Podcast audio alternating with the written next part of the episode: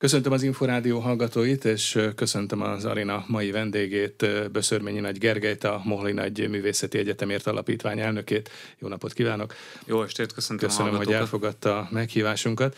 Én Kocsonya Zoltán vagyok, és a Mohli Nagy Művészeti Egyetemről fogunk beszélgetni a következőkben majd. Annál is inkább, mert nagyon sok minden történik a momén, illetve a moméval kapcsolatosan új képzések, új oktatási portfólió, ösztöndíj programok, nemzetközi együttműködések, és hát nem utolsó sorban a közelgő rektor választás. Szeretném, hogyha ezekről majd mind tudnánk beszélni, de hát azért kezdjük talán a, a modellváltással, hiszen éppen három éve annak, hogy alapítványi formában működik a MOME, ugye 2000 augusztus, 2000 20. 20 augusztusában, igen, 2000 az nagyon rég lett volna, 2020 augusztusában történt meg a modellváltás. A MOME esetében ez azért is érdekes lehet, mert hogy az intézmény vezetésében úgy tudom, már azt megelőzően is gondolkoztak, vagy dolgoztak egy lehetséges modellváltáson, vagy a modellváltás lehetőségén. Több évvel azelőtt tehát, hogy a kormány elindította volna a Corvinus Egyetemmel a felsőoktatás átalakítását, vagy a modellváltást. Miért lehetett ez már jó tíz évvel ezelőtt is fontos és hangsúlyos? A MOME vezetése számára. Jól lehet, akkor ön még nem tartozott a MOME vezetéséhez. Nem akarom a hallgatókat történeti visszatekintéssel untatni, de, de azt érdemes elmondani, hogy Moholdina egy László maga egy nagyon komoly újító innovátor volt. Alkotói területek, kreatív, művészeti területek egész során volt aktív és volt újító, és hozott létre egészen új formanyelvet, új üzenetrendszert, nyúlt új eszközökhöz, és az a jó hír, hogy, és azért volt egy óriási teli találat annak idején az ő nevét felvennie a korábbi Iparművészeti Egyetemnek, mert, mert ezt a fajta újító karaktert az egyetem maga is, mint közösség magáénak vallja.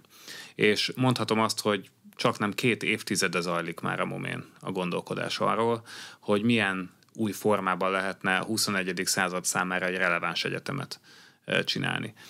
És ez egy szolgálat nem csak a MOME-nak, a MOME jelenlegi meg jövőbeni hallgatóinak, az egész magyar felsőoktatásnak szolgálatot tett ezzel az egyetem közössége, messze az én érkezésemet megelőzve már, hiszen olyan anyagok, tanulmányok, koncepciók születtek, egy jól működő 21. századi egyetemről, amit utána egyébként más intézmények, meg a mindenkori mm. felsőoktatásért felelős államtitkárság is el tudott kezdeni használni. Tehát mondhatom azt, hogy a modellváltásnak a keletkezés története az részben a momére magára nyúlik vissza.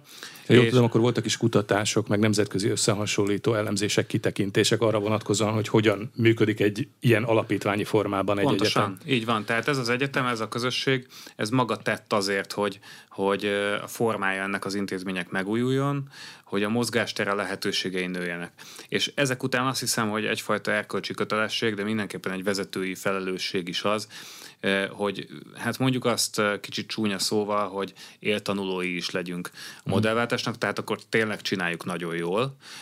Kifinomultan, alázattal, a részletekre odafigyelve, ebbe legyünk mi a legjobbak. És én magam ezt a célt tűztem ki három évvel ezelőtt, amikor az alapítvány is létrejött, és ténylegesen megtörtént a modellváltás jogi értelemben, mert tartalmi, kulturális értelemben ez egy hosszabb folyamat.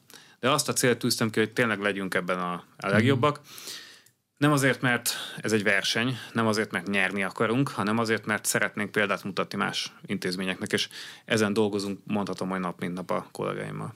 Itt az Inforádióban és ebben a műsorban és az Aranyna című műsorunkban is többször foglalkoztunk a felsőoktatás szerkezetváltásával és a modellváltással, és rendre előkerült az a kérdés, hát annál is inkább, mert most a jelenleg a magyarországi felsőoktatásban tanuló hallgatók jó kétharmada már ilyen modellváltott felsőoktatási intézményben tanul, ugye 21 magyarországi egyetem már alapítványi formában működik, és azért rendre előkerül az a kérdés, hát lehet, hogy ez egy kicsit elméleti fejtegetésre ad majd lehetőséget, de hogy mitől jobb versenyképesebb vagy minőségibb oktatásra lehetőséget adó egy alapítványi formában működő egyetem, mint mondjuk az úgymond hagyományos állami finanszírozásban vagy állami fenntartásban működő egyetem?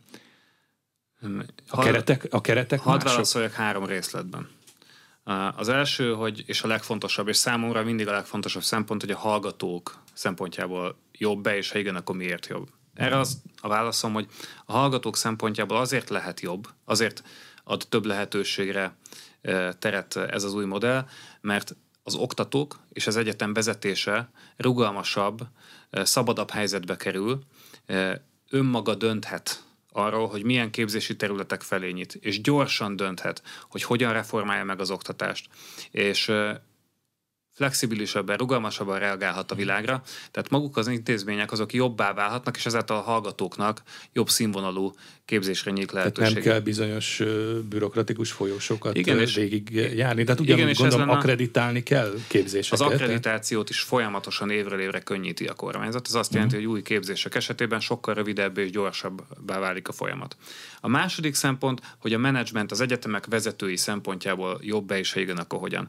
Azt tudom mondani önnek, hogy a, és a hallgatóknak, hogy képzeljék el az előző rendszert meg a mostanit egymás mellett. Az előző rendszerben volt egy mindenkori felsőoktatásért felelős államtitkárság, valamilyen minisztériumi entitás, és az az, az, az entitás a maga 10-20-30 kollégájával felelős volt több tucat magyar egyetem mozgásterének, lehetőségeinek a fejlesztéséért, egyáltalán ügyes bajos dolgaiért, hogyha egy egyetemnek problémája volt, akkor sorba kellett állnia az összes többi egyetemmel együtt, hogy valamikor rá is tudjanak figyelni az egyébként túlterhelt minisztériumi kollégák.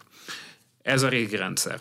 Az új rendszerben minden egyetem mögé felállt egy alapítvány, öt kurátorra, és ezeknek a kurátoroknak a tudományos, üzleti vagy bármilyen más háttere saját praxisa mellett egyetlen egy felsőoktatási intézményre kell figyelniük. Az egyetlen felelősségük az, hogy minden energiájukat, kapcsolatrendszerüket, tudásukat annak az intézménynek a fejlesztésére fordítsák. Folyamatosan.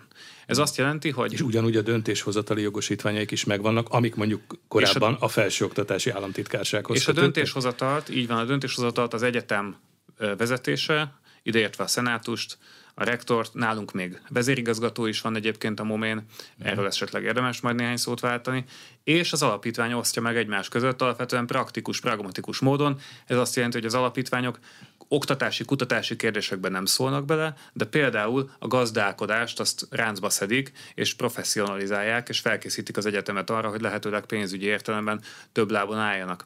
E, és, és azt hiszem, hogy a hallgatóknak és a, és a, és a vezetésnek is jobb egy rendszer, akkor nincs kérdés abban, hogy, hogy megéri váltani. De ez anyagi kondíciókban is jobb lehetőségeket jelent, mert ugye amikor a modellváltás elindult, akkor ugye tőkejuttatásról lehetett hallani, illetve egy megemelt finanszírozási Igen, keretről, tehát hogy jobb anyagi helyzetbe is kerültek ezek a modellváltott egyetemek. Én említettem, hogy három részletben tudom ezt a kérdést igazán jól megválaszolni, és a hallgatói és egyetemi vezetői perspektíva mellett a harmadik az valóban a pénzügyi perspektíva.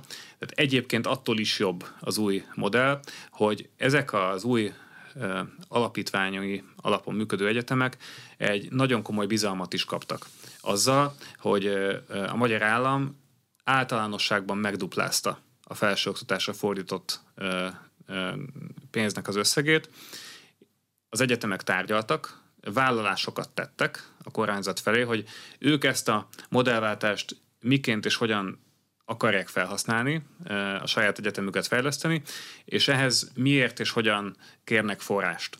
Azt tudom mondani, hogy a MOMA esetében meg négyszereztük a költségvetésünket tavaly év januárjától, meg négyszereztük a költségvetésünket, és ez gyakorlatilag már most, tehát a viszonylag a modellváltás kulturális és szervezeti folyamatának az elején lehetőséget adott mm. nekünk arra, hogy... De ez egy nagyobb állami finanszírozási tételt így jelent, van, vagy azért van. vannak az egyetemnek is megnövelt bevételei mondjuk ebben a na, megnövelt mozgástérből Azért, adódóan. hogy megkapjuk ezt a nagyobb állami finanszírozást, folyamatosan növelnünk kell a saját üzleti és kutatásfejlesztési típusú bevételeinket is. Tehát van egy teljesítmény elvis a másik oldalon. Így van, és csak hogy befejezem, tehát a, a, már a tavaly évben lehetőségünk volt az egyetem történetének a legnagyobb arányú béremelését végrehajtani. Ez azt jelenti, hogy a e, MOME ma itt a közép-európai régióban abszolút versenyképes fizetéseket tud kínálni. Nem tudunk versenyezni a világ leggazdagabb brit vagy amerikai uh-huh. egyetemeivel, de itt a régióban a MOME abszolút versenyképes tud lenni. Tehát növekedtek a lehetőségek, növekedtek az elvárások, és a döntéshozói központ az sokkal-sokkal közelebb került az egyetemhez, nem valahol a bürokrácia távoli szegletében, hanem ott helyben lehet az egyetem vezetésének és a stratégia őreként működő alapítványoknak uh-huh. közösen megformálni a jövőre vonatkozó víziójukat. A modellváltás kapcsán azért az jutott eszembe, hogy ugye egy művészeti egyetemről beszélünk, és azért egy művészeti egyetem esetében azért gondolom mindenképpen más ez a modellváltás, és egyáltalán a működés más, mint egy klasszikus tudomány egyetemnél. Vannak azért ennek specifikumai, vagy van ennek speciális vetülete, vagy a működés azért nagyjából hasonló a klasszikus tudományegyetemekhez? Nézd, én elég, én elég kritikus vagyok a felsőoktatás mai divatjaival, trendjeivel kapcsolatban, úgy általánosságban a világban, és ezért nagyon örülök neki, hogy mi nem tartozunk azoknak az egy, egyetemeknek a sorába, akiknek ha másért nem, akkor kényszerűségből bele kell állnia például egy olyan fajta munkaversenybe, ami a publikációs teljesítmény területén zajlik. Én nagyon hibásnak Az tartom. egyetemi rangsorokat tulajdonképpen és ezek alapján mérik. Hogy és a... általánosságban az egyetemi rangsorokat is nagyon károsnak tartom, uh-huh. mert nagyon, tehát azért az ember egyén és kollektív szinten is egy rafinált teremtmény, és nagyon hamar elkezdenek ugye optimalizálni ezekre a rangsorokra az intézmények, ami azt jelenti, hogy pont azt tévesztik szem elől, ami a legfontosabb, és amire az előbb már utaltam, hogy egyébként a hallgatóknak mi az érdeke, a hallgatóknak mi a fontos és mi a releváns. Mindenki nem mindenki, de nagyon sokan, itthon és külföldön, mindenféle külföldi rangsoroknak akarnak megfelelni, nemzetközi rangsoroknak akarnak megfelelni, arra optimalizálnak, úgy választják ki a kutatási témáikat, azt szerint határozzák meg, hogy mit várnak egy oktatótól, vagy mit várnak egy PhD hallgatótól, és lehet, hogy egyébként jól fognak szerepelni a ranglistákon, és ez jól néz majd ki az egyetemi PR-ban, de nem biztos, hogy valójában ettől ők jobb egyetemek lettek. Mi művészeti egyetemként kezdettől azt mondtuk, hogy mi a hallgatóink hazai és nemzetközi szakmai elismertsége és szakmai eredményei alapján ítéltessünk meg. Mindenben támogatjuk a hallgatókat, hogy a saját területükön legyen az járműtervezés, legyen az divattervezés, legyen az 3D e, e, modellezés, adatvizualizáció, animációs filmek, legyen az fémművesség, és sorolhatnám, a lehető legkiválóbb eredményeket érjék el. Mindent megadunk nekik ehhez, a tanáraink, a mestereik, a mentoraik eh, mindent megtesznek ezért. Kis csoportos oktatást tartunk fent, az azt jelenti, hogy nálunk egy oktatóra öt hallgató jut, azaz mindenkire jut kellő figyelem, és Magyarországnak a nemzetközi kreatív gazdaság területén eredményeket és büszkeséget fogunk hmm. szállítani. És ebben mérettessék meg az egyetemünknek az eredményessége. És azt tudom mondani, hogy, hogy támogatták a koncepciónkat, hogy mi hadd ne rangsorokba versenyezzünk. Művészeti egyetemek esetében egy, egyáltalán vannak ilyesfajta rangsorok? Vannak, és rendkívül szubjektívek. Vannak ilyen rangsorok, mondok egy példát, jól jellemzi ezt a rangsoroló világot. Van például egy olyan rangsor, ahol megkérdeznek 500 a művészeti felsőoktatásban dolgozó embert világszerte, hogy sorolják fel a szívüknek legkedvesebb művészeti felsőoktatási intézményeket, és akkor ebből születik egy rangsor. Most én nem mondom, hogy nem érdekes egy ilyen lista, de abban biztos vagyok, hogy nem sok köze van ahhoz, hogy mi egyébként itt Zugligetben jól végeztük el a dolgunkat a magyar hallgatók szempontjából. De ha jól értettem a szavait, akkor a, a hallgatói teljesítmény, vagy a hallgatók kreativitása lehet egyfajta mérőszám, és aztán ez hat vissza az egyetemre, de hát azért valamilyen módon mégiscsak kell, hogy legyen egy szempontrendszer, amit az, magát az intézményt is lehet mérni. Hát önök is kitűztek célokat. Ugye van egy ilyen megfogalmazott célkitűzés, hogy ugye 2030-ra, ha jól tudom, akkor a MOME, a közép-európai régió egyik megkerülhetetlen és talán legjobb design egyetem. A saját legyen. területünkön a legjobbak akarunk lenni a Igen. régióban, így van. De hát akkor ez is egy célkitűzés, és ez is egy rangsort jelent, hogy az, az első legyen. Ez nem egy rangsor, ez itt magunkhoz mérjük, tehát a saját képességeinkhez mérjük a mhm. teljesítményünket, és alábontjuk arra, hogy az egyetem minden polgár, egy hallgató, egy oktató, egy támogató területen dolgozó szakember, mondjuk egy háres, mit tud tenni ezért, és tőle a saját munkakörében mit várunk és így megyünk előre lépésről lépésre. Tehát én a kényszeres összehasonlítását az intézményeknek azt elutasítanám, Mindenkinek saját karaktert kell építeni. Mi úgy gondoltuk a modellváltás elejétől fogva, hogy mi nem egy holland vagy egy szingapúri intézményt akarunk másolni, és csinálni egy hasonlót, ami majdnem az, de nem az, hanem mi egy sajátos budapesti művészeti és dizájn egyetemet szeretnénk, ami nem hasonlít másra. Lehet, hogy nyomokban igen, de alapvetően saját karaktere van, és ennek megfelelően a magunkkal szembeni elvárásoknak is sajátosaknak kell lennie, nem pedig valamilyen londoni vagy New Yorki központú listát szeretnénk mércének tekinteni. Azzal kezdtük a beszélgetést, hogy három éve működik alapítványi egyetemként a MOME. Röviden összegezhető az, hogy mi is a mérlege ennek a három évnek? Tehát hát röviden nem. Há... Röviden nem.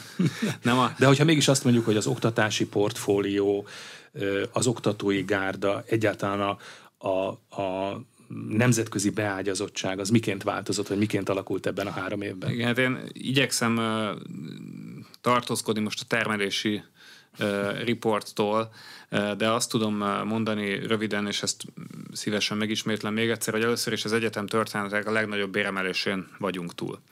Létrehoztuk az első angol nyelvű képzéseket, ami abban segít nekünk, hogy a magyar hallgatókon kívül itt a régióban, Kelet-Közép-Európában is megszólítsuk a legtehetségesebbeket, és ha ők idejönnek Budapestre, akkor a kreatív területen, a művészeti és dizájn területen új hidakat tudunk létrehozni a fiatalok és a jövő szakemberei között. Létrehoztunk egy műhelyt, ami ezekben a napokban, hetekben is dolgozik. Úgy hívjuk, hogy a Jövő Egyeteme műhely, ami teljes egészében újraalkotja az egyetemnek a képzési programját, koncepcióját, filozófiáját.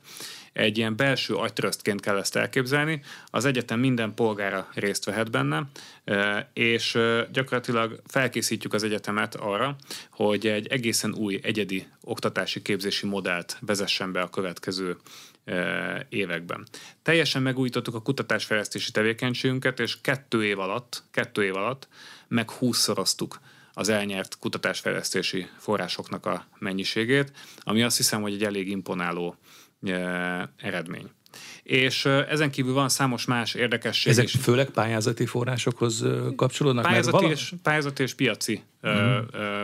együttműködések. De tulajdonképpen ilyen tekintetben, ha jól sejtem, akkor, akkor mondjuk a design és a kreatív ipar jelenleg jó helyzetben van, mert ugye nem csak a tengeren túlon, de most Európában is a kreatív ipar mondhatni, hogy, hogy nagyon sok pályázati lehetőséget kínál, és egy nagyon hangsúlyos szerepet Igen, visz. de ez önmagában csak egy lehetőség lenne. A jó hír az az, hogy egészen kiválóak a hallgatóink is, illetve a szakembereink is, kutatóink, oktatóink is. Tehát nem véletlenül tudtunk ilyen hamar ekkora eredményeket elérni ebben, mert volt mit letenni az asztalra. Még két dolgot emelnék és aztán tényleg a teljes igénye nélkül, mert nem akarok uh, senkit untatni. Az egyik a fenntartatóság. Azt gondolom, hogy egy 21. századi egyetemnek cselekednie kell a saját működésének a fenntarthatóvá tételéért, és mi, mi nem tudtuk le ezt, nem pipáltuk ki ezt annyival, hogy megrendeltünk valamilyen tanácsadó jelentést, és utána ilyen-olyan belső szabályzatok átalakításával kiírdettük, hogy mi milyen fenntarthatóan működünk, hanem a MOME polgárai, oktatói, tanárai két kezükkel fognak Magyarország több pontján nemzeti parkokkal együttműködve új erdőket létrehozni, telepíteni, MOME erdőket a saját károsanyag kibocsátásunknak a kompenzálására, ami egy egészen egyedülálló program, itthon is, és jó rész nemzetközileg is. És aztán zárásként tényleg most már utolsó példaként hadd mondjam azt, mert pont a héten keddi napon jelentettük be, hogy egy új rendszert építünk fel a szegény sorból érkező mhm. tehetségeknek a felkutatására és felkarolására. Azt gondoljuk, hogy Magyarország egy része most földrajzi és társadalmi értelemben is mondom, a felsőoktatás számára még láthatatlan. Szerencsére nő a hátrányos helyzetű hallgatóknak, a jelentkezőknek a száma a felsőoktatásban, de nálunk a momén ez még mindössze csak 6 százalék, és mhm. azt gondoljuk, hogy fantasztikus kreatív erőforrás lehet Magyarországnak ezekben a régióiban, és a modellváltás részeként indítjuk és építjük fel azt a programot, ami szélesíteni fogja nem kicsit hanem nagyon a moménak a társadalmi bázisát. Vagy szeretném, hogyha erről egy kicsit részletesebben is beszélnénk erről az új most induló ösztöndíj programról, de még visszatérve a pályázati forrás lehetőségekre, ugye említette, hogy itt pályázati források és piacról megszerezhető támogatásokról is szó van, de hát azért, azért hadd utaljak vissza mondjuk az Erasmus és a Horizon programokra, amik kifejezetten a modellváltó egyetemeket most érintették, hiszen továbbra is hát vannak a jelek szerint vitatott területek és vitáspontok Brüsszellel, hiszen a magyar hallgatók, illetve a magyar kutatók nem vehetnek részt ezekben a programokban. Ez mit jelent a MOMA esetében? Semmi jót, és egyébként örülök, hogy, hogy rákérdez, mert van egy olyan összefüggés, amire ebben a vitában viszonylag ritkán szokták felhívni a figyelmet, vagy nem nagyon szokott elhangzani. Tehát, hogy említettem, a, a, a MOME kettő év alatt, a modellváltott MOME, az alapítványi formában működő MOME, kettő év alatt az Európai Uniós kutatásfejlesztési források területén megsokszorozta az eredményeit.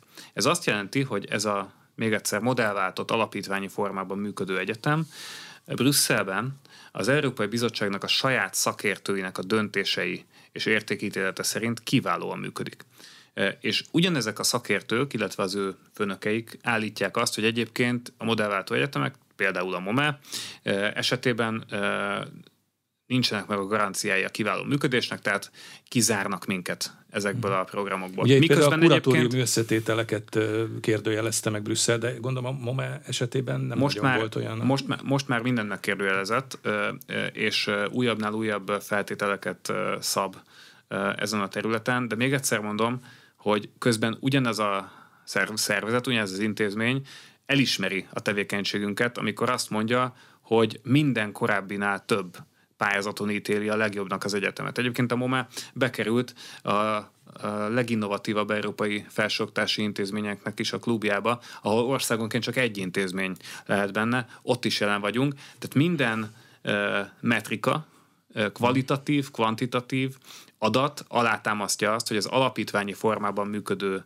MOME, egy alapítványi formában működő egyetem tökéletesen megfelel azoknak a akadémiai, kutatási, fejlesztési szempontoknak, amik mentén ezeket a forrásokat odaítélik, tehát semmilyen alapja nincs annak, hogy ezeket az intézményeket kizárják ezekből a rendszerekből. Nagyon várjuk a megoldást, mert ezzel nem a kormányt bünteti az Európai Bizottság, eh, hanem a magyar egyetemeken dolgozó szakembereket, oktatókat, kutatókat és hallgatókat bünteti közvetlenül.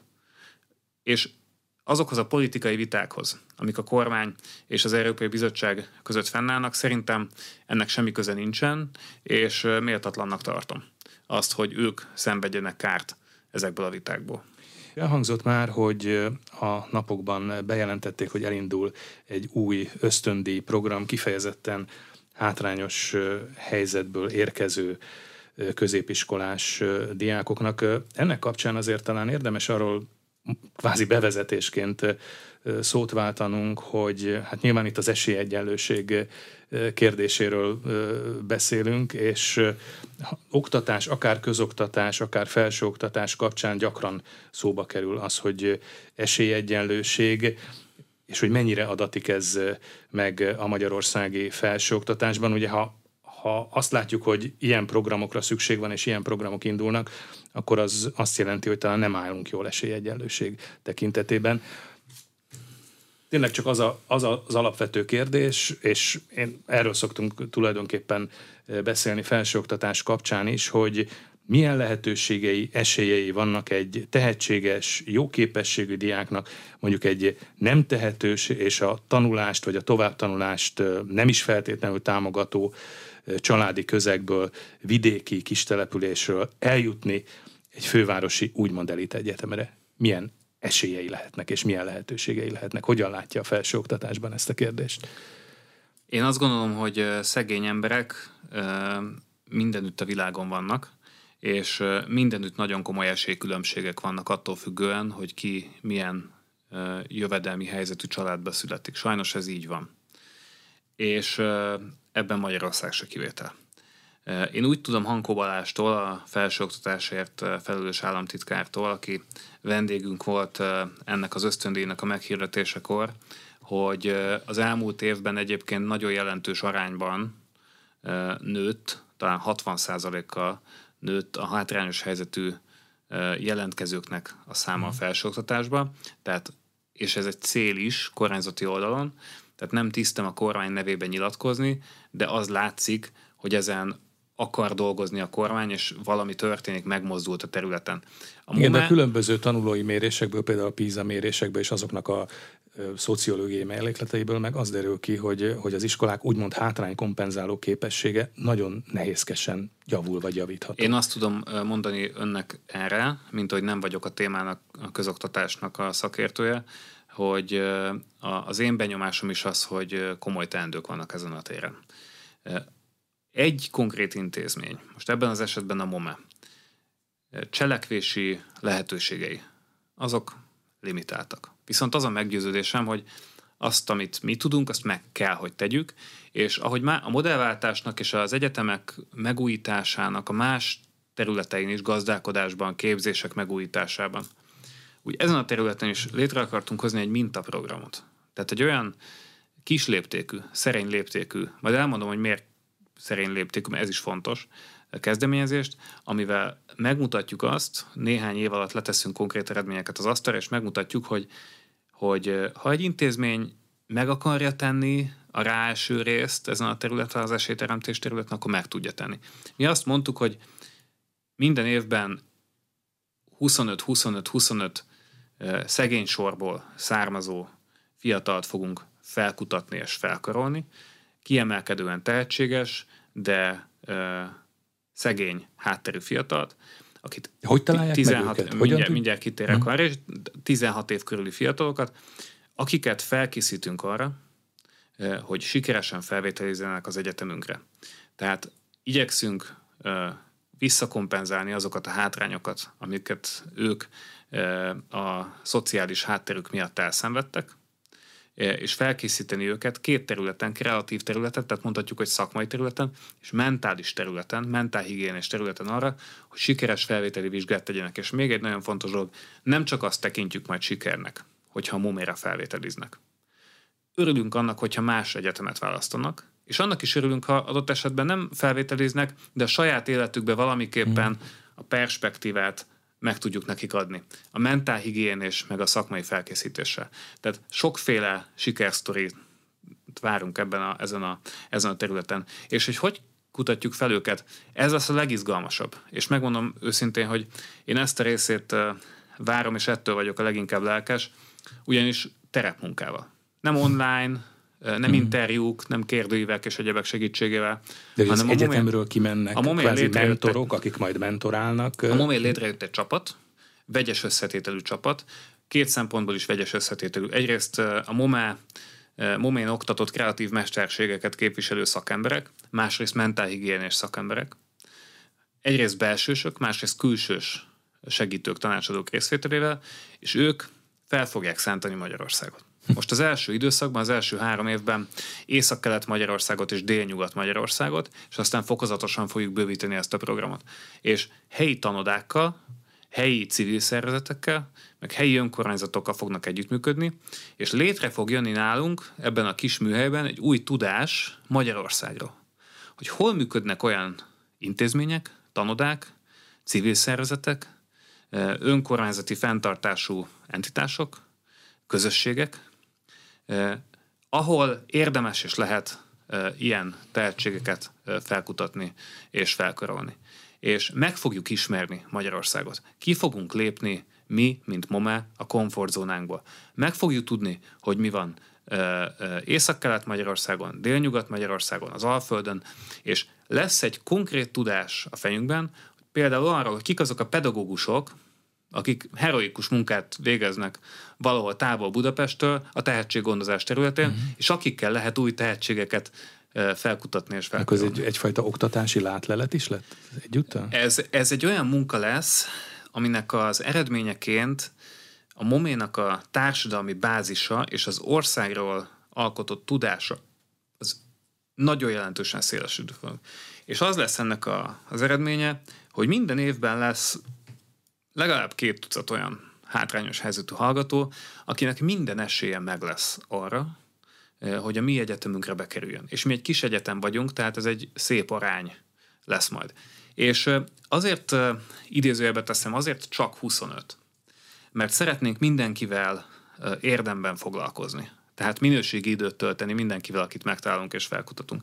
És nagyon szeretném kihangsúlyozni, bár most már megtettem többször is, de még egy utolsó alkalommal a mentálhigiénés foglalkozásoknak a jelentőségét. Azt gondoljuk, hogy, hogy ezeknél a tehetségeknél nagyon sokszor nem is elsősorban a szakmai kreatív felkészítés a probléma. Nem biztos, hogy az a legnagyobb akadálya az ő előmenetelüknek, hogy nem volt elég jó a rajztanár, hanem hogy nincs elég önbizalmuk. Tehát nem tudják mm. elképzelni azt, hogy nekik egyáltalán esélyük van például egy alkotó életpályára valamilyen mm. új és menő területen eh, életre szólót alkotni. És erre is megvannak a szakemberek a momén? Így van, a részben a momén. Mert ez már a pszichológia rész, területe. Moménak van saját pszichológusa is most már, eh, de egyébként bevontunk eh, kül, külső szakembereket is, például olyan partnerekkel dolgozunk együtt, mint az Ökumenikus Segélyszervezet, ami nagyon régóta foglalkozik szegény családoknak a felemelésével.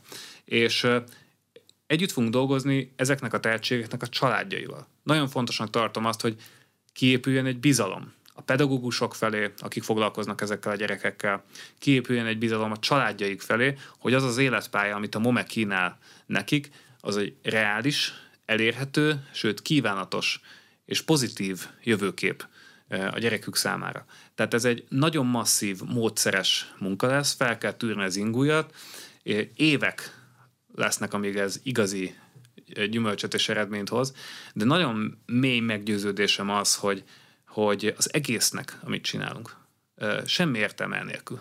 Tehát, hogyha nem tudjuk szélesíteni a társadalmi bázist, ha nem tudjuk Magyarország minél szélesebb értelemben vett közösségeit bevonni a felsőoktatásba, lehetőséget, esélyt teremteni nekik, ahogy ön is mondta, akkor mindenféle egyetemfejlesztésnek igazából nincs értelme, nincs legitimációja. Tehát Sokat dolgoztunk a koncepción, és rengeteget fogunk tanulni belőle, és hogyha néhány év múlva beszélgetünk itt, akkor majd el fogom tudni mondani, hogy mi mindenben változott ez a program az első évek tanulságai mentén, de hogy csinálni kell, abban biztos vagyok. Mm. És akkor készen áll már az a munkaanyag, vagy az a projekt, ami alapján ezt a felkészítő programot végigviszik? Abszolút, tehát igen. Tehát két készen? évig fogunk foglalkozni minden csoporttal, tehát minden ilyen 25 fős csoporttal. Ennek budapesti képzési hétvégék is a részei. Még egyszer, tehát kreatív, szakmai és mentális felkészítés is a része. Létre fog jönni minden diák, létrehozhatja majd a saját kreatív portfólióját, amivel jelentkezik majd mhm. a, az egyetemre, és meg fogjuk erősíteni az önbizalmukat is.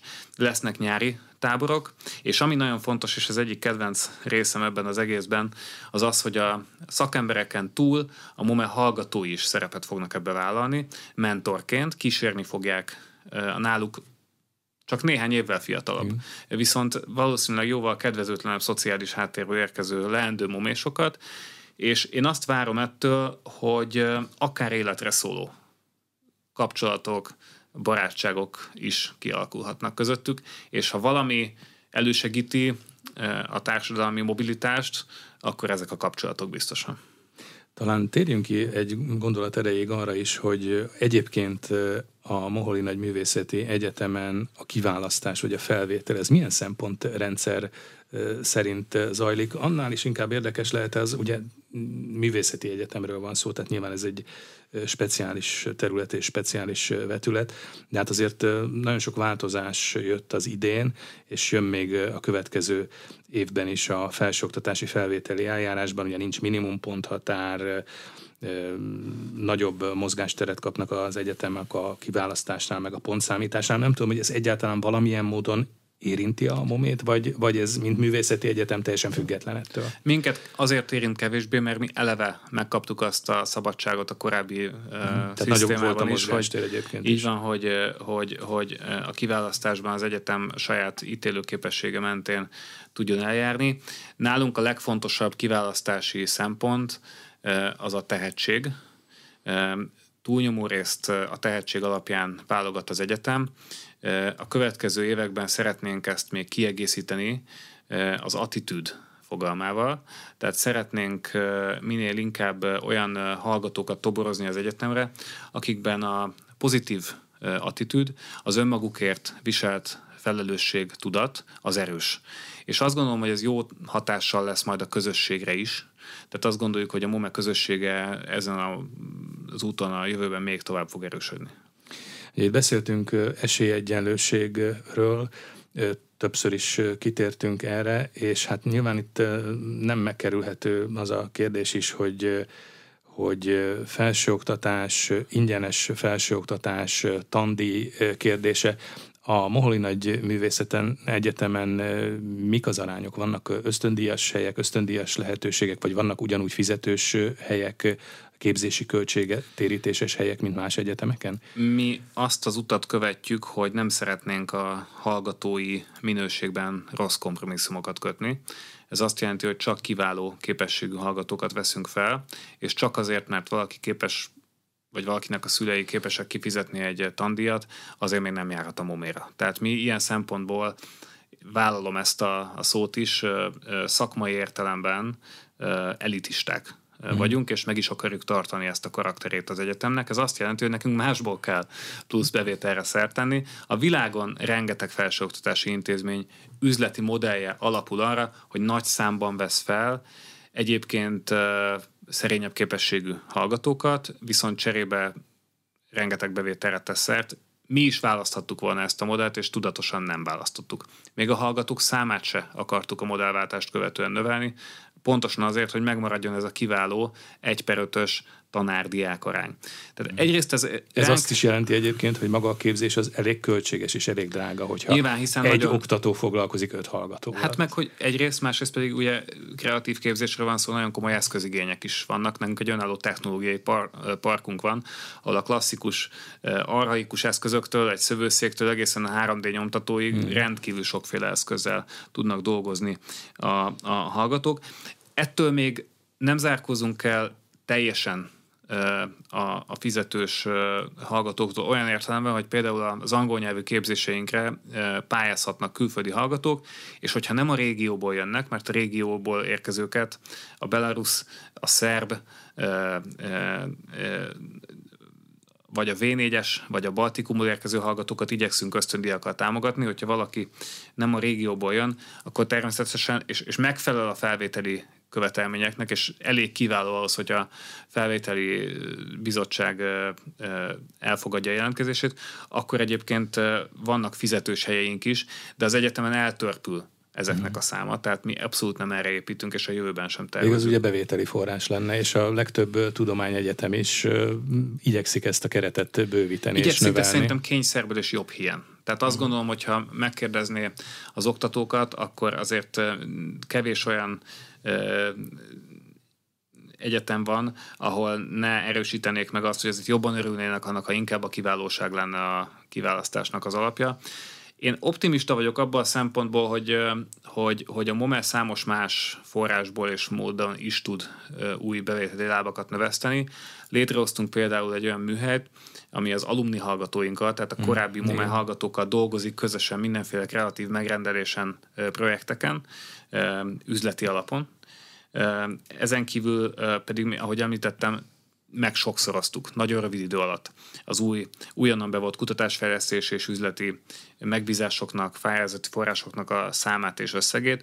Tehát azt gondolom, hogy a MOME elég jó, a MOME közössége elég erős szakmai ahhoz, hogy ne legyen rászorulva arra, hogy felhigítsa a mhm. hallgatói összetételt, és így a kiválóság helyett más szempontokat vegyen figyelembe a kiválasztásnál. Én szerintem azt, ami a MOME, kicsit megölné egy ilyen stratégiaváltás. Én azt tudom mondani, hogy amíg ezt az egyetemet szolgálhatom, addig ilyen váltásra biztos, hogy nem fog sor kerülni. Egyébként, a, ha már a üzlet szót említette, az üzleti szemlélet, vagy az üzleti attitűd bevitele az egyetemre az nagyon hangsúlyos és nagyon fontos. Ugye láttam, hogy éppen most indul el minden hallgató számára kötelezően egy három szemeszteres, három fél éves üzleti modul képzés, kifejezetten azért, hogy valahogy a a kreativitást és az üzleti szemléletet és az üzleti magatartást azt valahogy egy tető alá tudják hozni. Hát igen, a kreatív gazdaság, ahogy beszélgetés egy korábbi szakaszában volt is szó erről, az egy nagyon dinamikus ágazat a világon mindenütt. Most tényleg csak egy példát mondok, a videójátékipar uh-huh. az ma már nagyobb, mint a filmipar a filmipar is óriási, mi minden ilyen, mindenféle ilyen területek, területtel foglalkozunk az egyetemen, tehát, tehát ezeknek a területeknek a gazdasági jelentősége az dinamikusan növekszik. Viszont ahhoz, hogy a mi hallgatóink hely tudjanak állni, egyáltalán képesek legyenek megítélni azt, hogy ők szabadúszóként, vállalkozóként vagy alkalmazottként képzelik el a jövőjüket, ahhoz nekik tisztábbak kell kerülniük azzal, hogy mit jelent a vállalkozás mit jelent az üzleti értékteremtés. És aztán, és hogy kell azt csinálni. És aztán választhatják bármelyik életpályát, de jó, ha tisztában vannak ezzel. Ezért döntöttünk úgy, és ezt tavaly szeptemberben meg is tettük, hogy minden alapszakos hallgatónknak kötelező jelleggel bevezettük a, az üzleti képzést. Ezt nem úgy kell elképzelni, hogy ilyen pénzügyi kurzusok vannak, mert szerintem az nem segítene. Tehát ami Magyarországon hagyományosan gyengeség, az a csapatban dolgozás kultúrájának a hiánya. Itt inkább egy olyan képzést kell elképzelni, másfél éven át tart egyébként mhm. minden, hallgat, minden alapszakos hallgatónak, hogy az egyetemen egyébként létrehozott szellemi alkotásaik és kreatív alkotásaik mögé építenek üzleti modellt. Először megtanulják, hogy mi az, hogy üzleti értékteremtés, az mit jelent, hogyan kell csapatban dolgozni, hogyan néz ki egy üzleti terv, mentorokat kapnak, és utána, még egyszer mondom, azt, amit amúgy is csinálnának az egyetemen, járműtervezőként, textiltervezőként, tárgytervezőként, animációs művészként, amögé egyébként hogy kell oda gondolni és felépíteni a vállalkozói logikát. Egészen alapvető dolgokról beszélünk, de ez eddig abszolút hiányzott az egyetemen, és azt azért el kell, hogy mondjam, hogy nem csak a momén hiányzott, mert amit mi csináltunk most ezen a területen, az nemzetközi szinten is párját ritkítja. Beszéltünk olyan nálunk sokkal gazdagabb és sokkal nagyobb nevű egyetemmel, itt Európában, aki azt mondta, hogy bizony ezzel a, ezen a területen, ezzel az új modullal előttük járunk, és erre nagyon büszke vagyok. Hmm beszélgetés elején említettem, hogy majd kitérünk a rektor választásra is. Ugye a jelenlegi rektori ciklus 2024-ben véget ér, de már most évelején egy nyílt nemzetközi pályázatot írtak ki a MOME rektori pozíciójára. Ez azért szokatlan, vagy újszerű a hazai gyakorlatban. Egyrészt, hogy nemzetközi kiírás, másrészt pedig az is szokatlan, hogy másfél évet szánnak a megfelelő vezető kiválasztására. Igen. Szerintem a legtöbb magyar egyetem esetében nem lenne észszerű és nem lenne szükséges nemzetközi pályázatot kiírni, viszont a művészetek és a design azok nemzetközi nyelvek és eszközei annak, hogy hogyan fordítjuk a magyar kulturális teljesítményt, meg az itt létrejövő szellemi munkát, azt a világ számára le. Hogyan mutatjuk be, hogyan visszük el Magyarország hírét különböző kulturális teljesítményeken keresztül. És ezért szerintem itt felmerül az, hogy, hogy amikor nemzetközi építkezésben van az egyetem, egyre másra lép be a nemzetközi együttműködésekbe. A hallgatói amúgy is a nemzetközi térben gondolkodnak, hiszen ott versenyeznek a filmjeikkel, a termékeikkel. Tudunk-e tanulni profi külföldi szakemberektől intézményépítésben? Tudunk-e együttműködni valaki olyannal, aki a világ más pontján már sikeresen vezetett felsőoktatási műhelyeket, intézményeket? És azt gondolom, hogy a mi egyetemünk közösségének, tanárainak is jár egy kis visszaigazolás olyan szempontból, hogy éljék meg azt, hogy a MOME olyan szépen ütemesen halad a, a, a nemzetközi építkezésben is, hogy bizony már a világ számos pontjáról versenyeznek a rektori pozíciója. Szerettem volna, ha ez a helyzet létrejön, és ennek Mert ezek a pályázatok már ugye beérkeztek, mert ugye május 31-ével a nevezési szakasz az lezárult. És hogy ennek tudjanak örülni. És bizony van. Norvég pályázónk, van német pályázónk, van angol pályázónk, van olasz pályázónk, és vannak, hála Istennek, vannak magyar pályázóink, az egyetem belső közösségéből is többen pályáznak, tehát van házi verseny is, uh-huh. meg van nem mom és magyar pályázó is, tehát egy színes mezőny jött létre, és azt gondolom, hogy egy izgalmas és egy szellemileg perspektívikus helyzet lesz, amikor ezek a jelöltek egymásra versenyeznek. Mi történik a következő egy évben, hiszen ugye a jelenlegi rektor megbizatása még jövő év augusztusáig szól, tehát most még egy év hátra van. Ez Igen. alatt mérlegelik az egyes pályázatokat? Nem, ez egy, módszert, ez egy fontos módszertani újítás. Idén ősszel eldől, hogy ki lesz az új rektor, illetve év végéig eldől. Jönnek a prezentációk majd szeptemberben, októberben, és utána döntést tudunk hozni a szenátus és az alapítvány is. Viszont direkt hagytunk 8 hónapot. Ez azt jelenti, hogy ha idén évvégéig eldől az új rektor személye, de csak jövő augusztusban lép majd hivatalba, akkor lesz neki 8 hónap felkészülni. Ez miért? Ez is szokatlan az egyetemi gyakorlatban. Ez teljesen szokatlan. Miért fontos ez?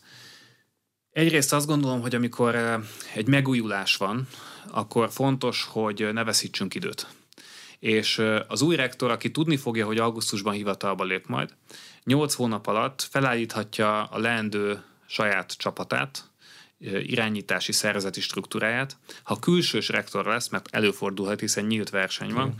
akkor megismerkedhet az egyetem apraja nagyjával, mindenkivel lesz ideje legalább kétszer leülni, beszélgetni.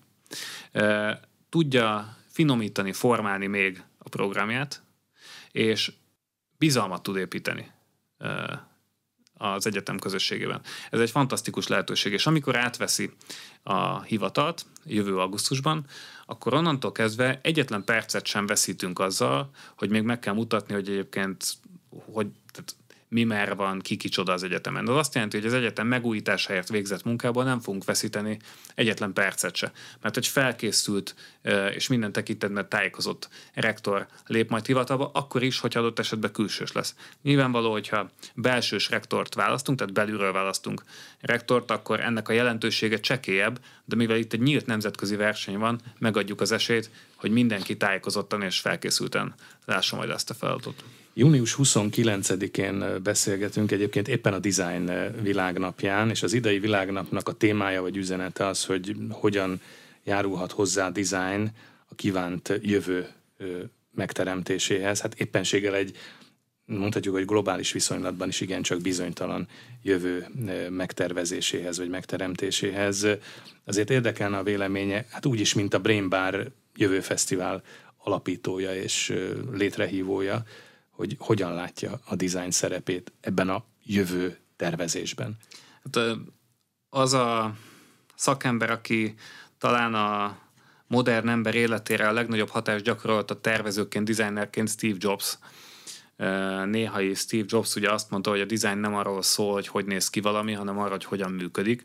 Egy kicsit a mai magyar közbeszédben még mindig a régi jelentés tartalmával használjuk ezt a szót, azt gondoljuk, a design az, ahogy mondjuk egy asztali lámpa kinéz, de valójában ezt már évtizedekkel ezelőtt meghaladta a világ.